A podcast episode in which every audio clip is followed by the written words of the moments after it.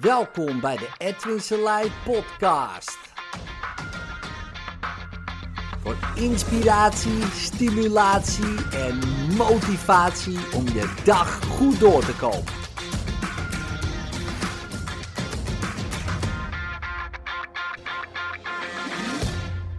Een goed gesprek waarin alles oplost. Ja, eh, kan dat wel? Nou, als ik nu kijk naar. En ik bestudeer eh, verandering voornamelijk. Niet per se communicatie, maar wel eh, hoe kan je nou snel iets veranderen? Hè? Of bij jezelf of bij anderen. Ehm, het heeft me altijd super gefascineerd. Maar ik ben laatst ook weer tot een inzicht gekomen. Dat, dat, is wel grappig als je. dat klinkt een beetje gek misschien wat ik zeg. Maar door uh, mezelf te bestuderen in een volgesprek. Ik denk, wat doe ik nou eigenlijk uh, allemaal? Waarom um, heeft het nou zo'n succes bijvoorbeeld bij mensen? En het klinkt misschien dat je denkt van, oh, die heeft altijd succes of wat dan ook. Nou, dat, dat is niet zo, maar wanneer het wel dus werkt. En natuurlijk ook is het interessant om natuurlijk te kijken, oké, waarom werkt het niet? Maar dat heb ik al heel veel bestudeerd. Uh, omdat ik toch altijd wel, zeker in het begin, bezig was, man, van oké, waarom lukt het nou bij diegene niet? Nou is dat niet per se een hele handige vraag om te stellen. Waarom lukt het niet? Uh, voor, voor heel veel mensen. Omdat je dan toch uh, ja, soms hele vervelende antwoorden van jezelf krijgt. Hey, waarom lukt het niet? Nou, je bent gewoon slecht. Of uh, krijg je dat soort uh, antwoorden. En bij mij triggerde het om mezelf dan te bestuderen. Of sessies eigenlijk te bestuderen. Wat er nou niet goed ging. En dan ging ik daarop letten. Wat ging er nou niet goed? En als het wel goed ging, dan ging ik daar, dat bestudeerde ik eigenlijk helemaal niet.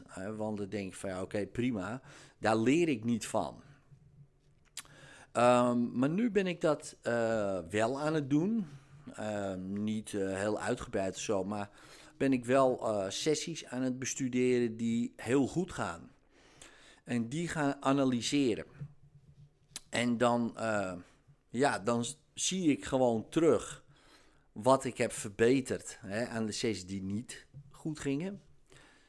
vroeger. Hè, dus dan, vaak was het rapport, vaak was het Um, rapport is, ja, ik had gewoon geen goede klik met die mensen. Um, andere was, uh, zeker in het begin, ik luisterde gewoon helemaal niet goed naar die mensen. Ik dacht alleen maar, ja, uh, prima wat je allemaal vertelt, laten we snel die techniek doen. dus echt, uh, ik zat er heel apart in. Nou, dat heb ik allemaal verbeterd. Dus, dus daar zit ik er anders bij. En ja, en als ik een, een sessie doe, en het is niet uh, uh, om mezelf op de borst te kloppen, al ga ik dat gewoon nu keihard wel doen, is uh, dat ik gewoon bijna altijd in één, twee sessies gewoon een resultaat heb bij mensen. En dan zou je zeggen, ja, maar zijn die mensen daar helemaal vanaf? niet per se, want dat ligt er wel eens aan. Hè. Je hebt ik geloof niet meer, vroeger wel. Ik geloof nog steeds wel in één sessie resultaat als iemand een heel stabiele omgeving heeft. Um, en een probleem heeft wat, um, nou ja, redelijk oorzakelijk op te lossen is. In de zin van we gaan naar het moment dat het ontstond. Dat lossen we op. Stel je voor, die gebeurtenis was er niet geweest, dan had je nu geen probleem gehad. Kijk, als dat het geval is, dan is het, nou ja, dan kan het in één sessie oplossen. Stel je voor, het is een heel traject met allerlei dingen erbij. En, uh, dus laat ik een voorbeeld geven. Iemand heeft een, een hele problematische jeugd. Gewoon van, bijvoorbeeld gepest van 0 tot, nou ja, 0 tot 5, van 5 jaar tot 20 jaar of zo. En dan kan je dat veranderen. Zeker wel. En misschien ook wel in één sessie echt wel een resultaat hebben. Het is veranderd. Maar wat dan? want je wordt een ander persoon. Nou, meestal als je gewoon een stabiele omgeving al hebt, dan zal dat prima erin passen. Maar je kan je ook voorstellen dat je al je vrienden, vriendinnen, misschien wel relatie hebt uitgekozen vanuit dat probleem. je wil niet gepest worden, dus zoek je een niet-pester. Allemaal onbewust. Uh, en misschien, uh, als het je niet meer interesseert, alsof het er nooit is geweest, had je die misschien niet gekozen. Ja, en dat kan weer voor andere problemen zorgen, als je begrijpt wat ik bedoel. Nou, dat, en dan heb je gewoon meerdere sessies uh, nodig om iemand daar goed in te begeleiden.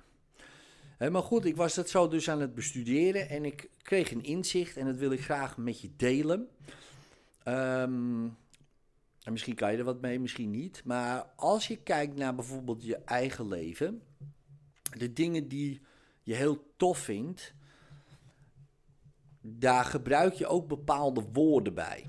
bijvoorbeeld, uh, nou, bijvoorbeeld uh, intens, te gek, super, geweldig, dit is fantastisch.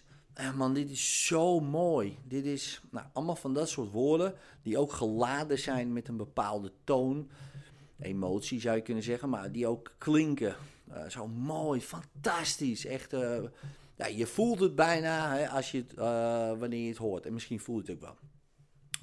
Dat is één. Het zijn ook triggerwoorden. dus die woorden triggeren een gevoel, een kettingreactie.